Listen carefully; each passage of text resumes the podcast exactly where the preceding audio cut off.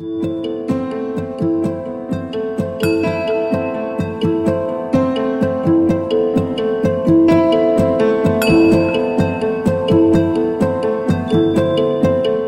brukertesting? Det er en velprøvd og mye brukt metode for å sjekke om IT-systemer eller nettsteder er brukervennlige for dem som skal bruke dem, til det de skal bruke dem til. Velkommen til Akademisk kvarter, en podkast fra Cappelen Dam Akademisk. Ja, i dag skal vi snakke om eh, versjon to av boka Praktisk brukertesting. Jeg er eh, Jon Gunnar Wold. Jeg eh, er modellflyger. Jeg er Eli Tofte Andersen, og jeg er leder for interaksjonsdesignere og innholdsdesignere i Soprasteria. Og jeg liker også å kalle meg brukertestmentor. Så bra. Da er jo spørsmålet hva i all verden er brukertesting, og hvorfor har vi skrevet en bok om det? Brukertesting eh, er jo som vi sa i innledningen en mye brukt metode. Eh, det er en måte å sjekke om brukerne syns at eh, løsningen man har laget faktisk er brukervennlig, om de syns den er intuitiv. Og også en måte å bli bedre kjent med, med brukerne og hvordan de tenker. Ja. Jeg lurer på om vi skal nevne noen eksempler på, på ting som vi har opplevd sjøl som ikke er så veldig brukervennlig.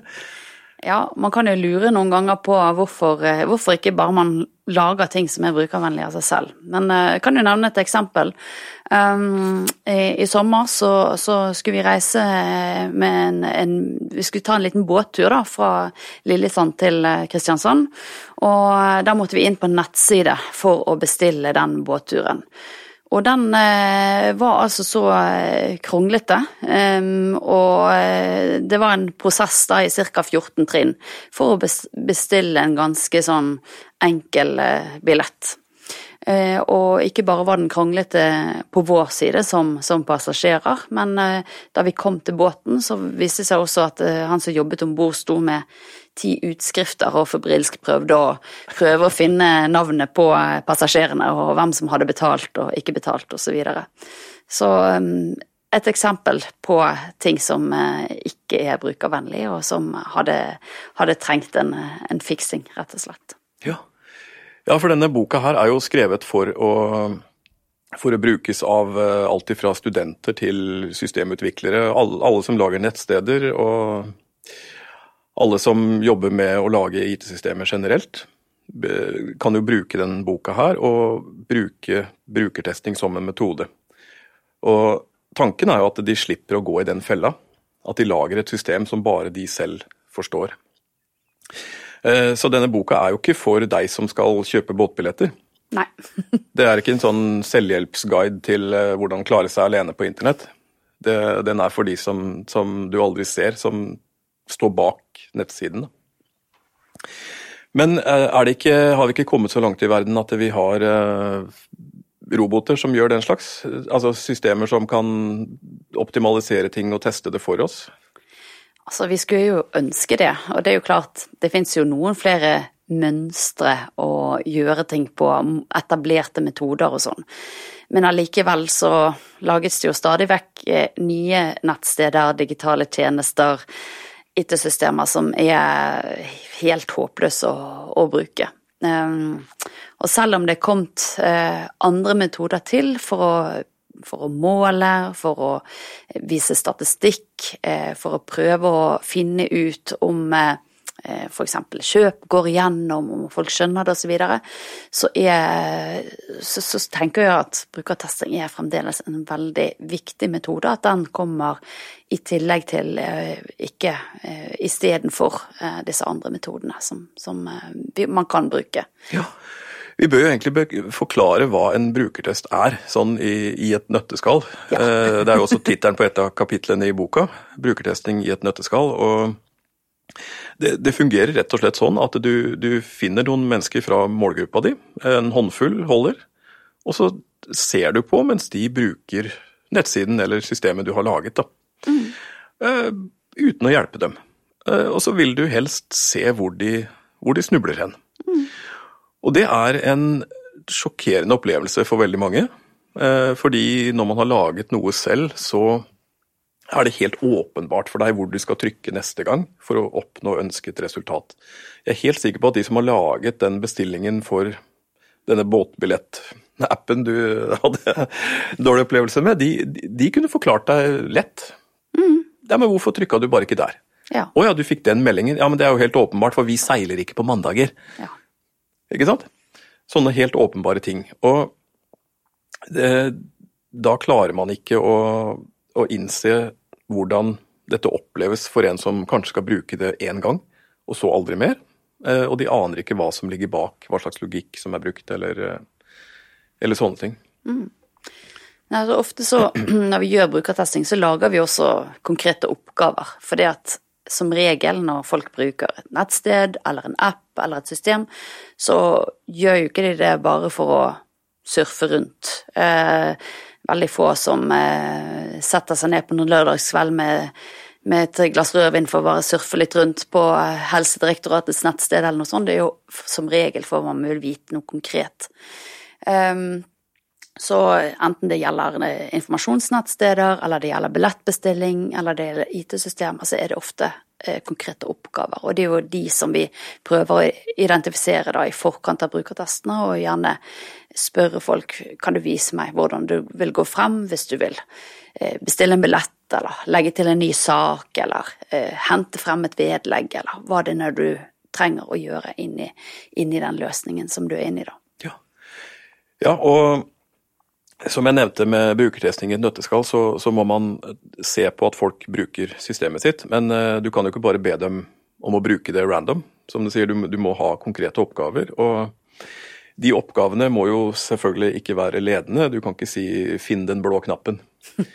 uh, og når folk uh, som tester systemet ditt spør 'fant jeg riktig side nå', så må jo svaret på det være Hva tror du? Yes. Helt riktig, for hele poenget er at man ikke skal hjelpe folk. Og det jo en, kan jo bli en litt klein situasjon. Eh, folk kan føle seg dumme og alt sånt noe. Og vi gir jo masse råd i boka hvordan man kan unngå dette her. Mm. Og en ting som er nytt nå, vi, vi skrev jo denne boka for uh, over ti år siden. Mm. Og det vi sitter her og snakker om i dag, er jo strengt tatt den oppdaterte versjonen. Så en ting som er nytt der, er jo det vi kaller brukertesting av innhold. Ja. Og hva går det ut på? Ja, nei altså Når man skal teste et eh, nettsted f.eks., så er det jo viktig at man eh, ikke tester et tomt skall, men at eh, man også tester om, om brukerne finner og forstår den informasjonen som står på, på nettstedet. Og, det samme gjelder jo f.eks. også brev og annen type innhold. Og der igjen så finnes det måter å spørre på og, og teknikker man kan bruke da, for å få hente ut informasjon som, som gjør at man kan forbedre tekst og, og, innhold. Og det her har vi jo fått veldig god eh, hjelp av underveis av eh, Andrea Rognan. Mm. Så eh, det er hun som i hovedsak har skrevet det kapitlet, så det er vi veldig glad for. Ja, kjempebra. Og vi vi kan jo ikke alt uh, her i verden, langt derifra. Uh, men da vi lagde denne boka, så var det viktig for oss å samle erfaringer fra veldig mange. Uh, ulike mennesker som praktiserer brukertesting. og har veldig mange forskjellige erfaringer. For vi har jo jobbet i noen store prosjekter, og det, er jo kanskje bare en håndfull av våre eksempler der. Mens vi har hatt mange som har bidratt med faktisk fra hele Norden. Det stemmer. Um, vi har bl.a. fått innspill av en som heter Lina Holmgren, som, uh, som uh, har gjort seg noen uh, veldig interessante erfaringer med hvordan det er å jobbe med UX, altså brukeropplevelse, i smidige prosjekter, og, og hvordan man kan bruke egentlig brukertesting som en metode for å få flere i prosjektet med på laget, for å ta gode beslutninger om hvordan disse løsningene skal bli til, til slutt. Um, og så er det jo nye ting som har kommet til da i løpet av de ti siste årene. For eksempel så har jo dette her med blandet virkelighet uh, kommet uh, sterkt inn. Altså det er en ny teknologi uh, der, der, der, er nye mønstre som gjerne er veldig ukjente for folk, da. Mm. Um, et eksempel på det er jo HoloLens, som er en sånn brille som man kan ta utenpå, og som eh, annet eh, kirurger må bruke. Ja. Eller kan bruke i sitt arbeid.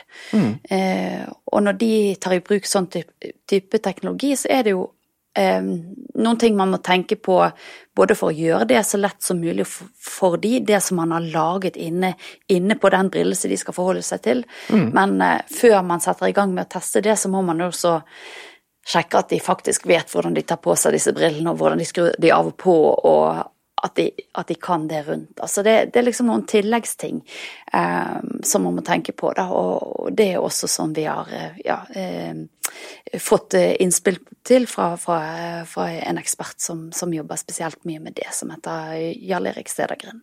Ja, ja, og, og Cedergren har jo et, eh, et, veldig godt eksempel, syns jeg. For det, det, det, han har drevet med er jo ganske cutting edge, for mm. å si det pent. Og det, du og jeg har jo ikke vært så heldige at vi har fått, uh, fått drive med hololens og, og, den type blandet virkelighet. Dette er jo uh, det, som var sci-fi på 90-tallet med virtual reality, det er jo nå i, i, faktisk bruk. Og eksempelet hans er vel at kirurger i andre land kan kan stå og, og, se menneskelige organer og på en måte finne ut av hva, hva er det som feiler dette hjertet, og, og, sånne viktige oppgaver. Og det er klart at det, dette sier litt om hvor viktig det er å, å teste systemer ordentlig før de lanseres. For én ting er om du blir stående på kaia eh, og, og, båten går fordi du ikke skjønte appen, eller de som har laget appen har kløna det til så den var for vanskelig å bruke.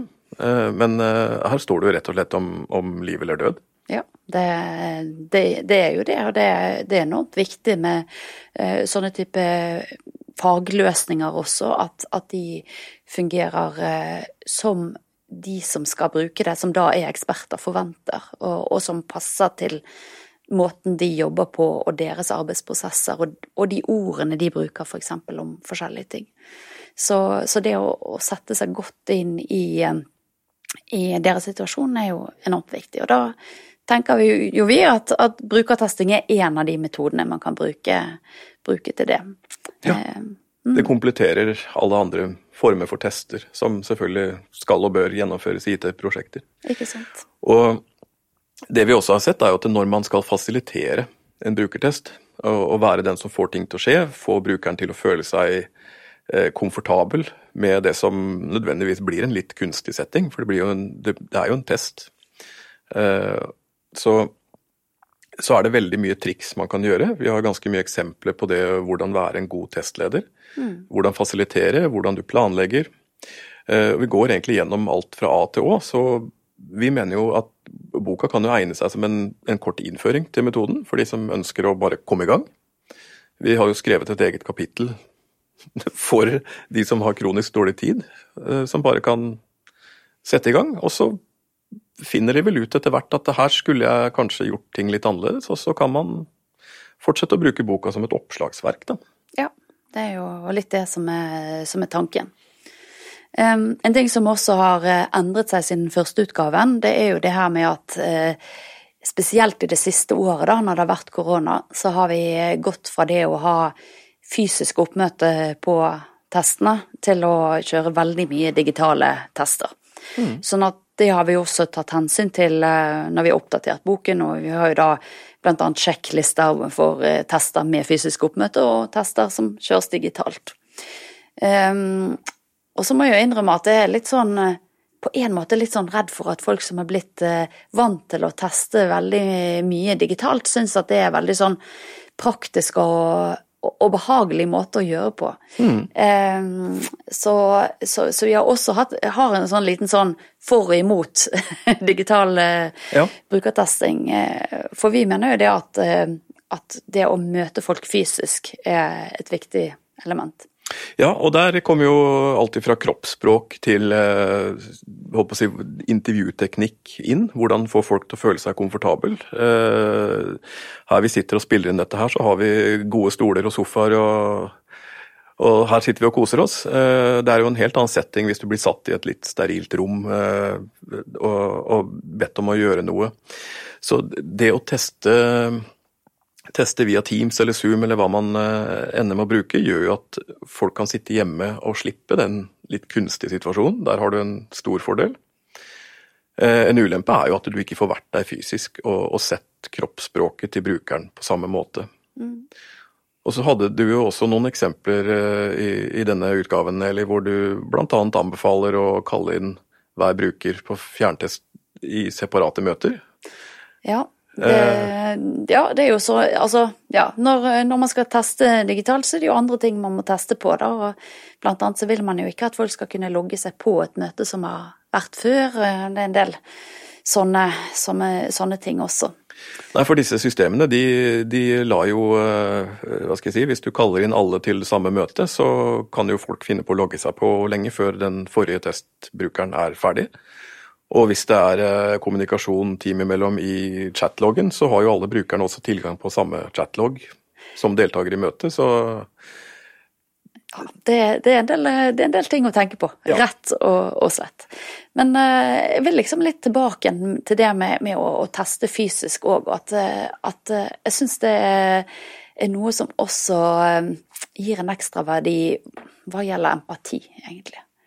For jeg har opplevd at vi har lært veldig mye av å teste digitalt. Man får veldig mye info, og, og det, det, er vel og bra. Men det å, å, faktisk møte folk fysisk der de er, kanskje på deres kontor, kanskje hjemme hos de, eller i den situasjonen, mm. eh, både er det lettere å få empati med det mennesket du møter, men også for omgivelsene deres og det, eh, det miljøet de, de, er i, er i den brukssituasjonen.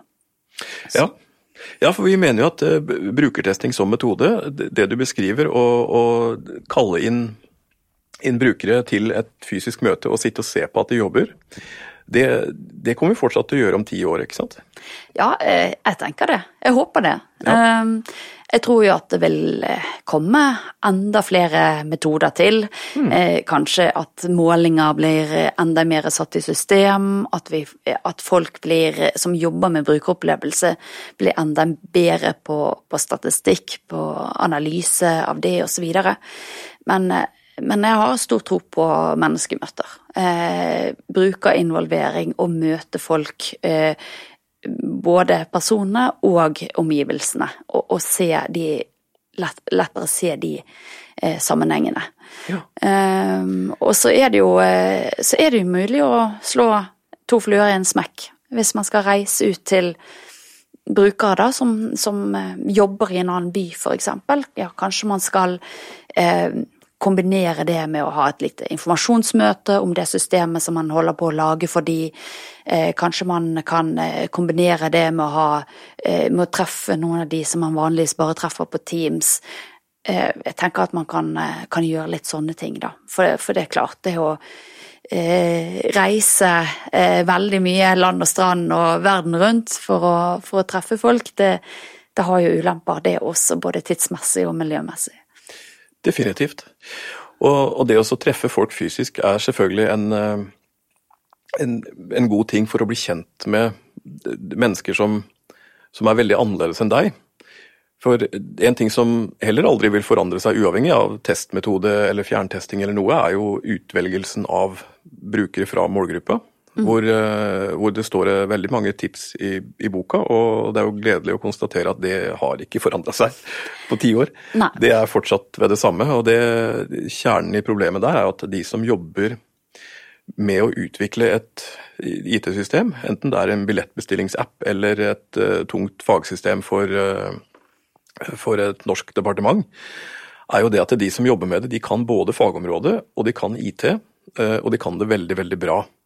Mens de som er i målgruppa kan gjerne lite om IT, og de kan noen ganger veldig lite om det faget, eller det temaet, som, eh, som det er ment å lages. Eh, et eksempel kan jo være reiseregningssystemer, f.eks. Eh, sikkert laget av IT-utviklere og økonomer, og skal brukes av folk som meg, som ikke skjønner bæret. Mm.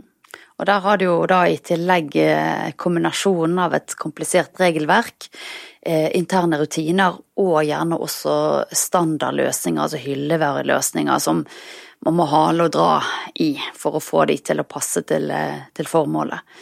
Ja. Og, og, og, da kommer man veldig ofte opp i sånne diskusjoner er det verdt det å, å, gjøre spesialutvikling her, eller kan vi klare oss med disse nedtrekkslistene, eller hva det måtte være i, i den standardløsningen.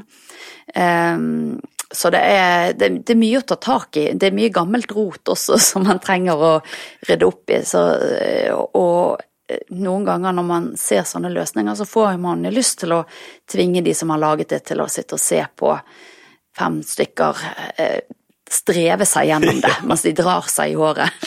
For det, det gjør man ikke lett. Eh, det er en passende straff, ja. Og vi har jo også beskrevet i boka en del ting som, eh, som du kan gjøre hvis du, hvis du, er helt overbevist fra før av om at dette er noe du vil gjøre.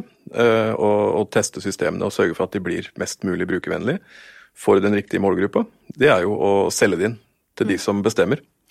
Det er jo en det er jo fakta at eh, de som lager systemet, ikke nødvendigvis bestemmer over pengesekken eller eh, deadlines eller noen ting, egentlig. Så, så, hvordan du selger inn dette her, har vi også beskrevet.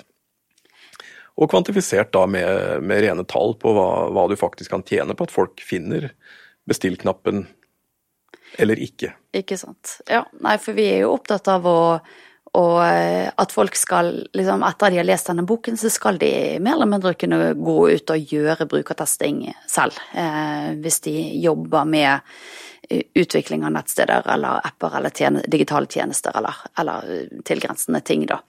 Eh, så, så, det er en oppskrift, men også en oppfordring eh, til å ta initiativ og mm.